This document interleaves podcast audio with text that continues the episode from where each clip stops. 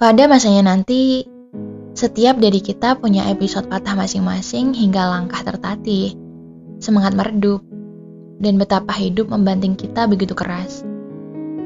Pada jalan-jalan sunyi, kita mencoba mencari arti. Pada masa lalu, kita coba mendamaikan diri. Pada Allah, kita akhirnya kembali. Kita pernah sepi, tapi bukan berarti kita mati. Kehidupan kita pernah getir, tapi bukan berarti kita berakhir. Pada masanya nanti akan ada seseorang yang bersedia menemani langkah-langkah kita. Tak akan pergi walaupun kehidupan membanting berkali-kali. Ia yang bersedia bersama hingga akhir, hingga maut memisahkan, dan surga menjadi pelabuhan akhirnya. Bersabarlah sebentar lagi.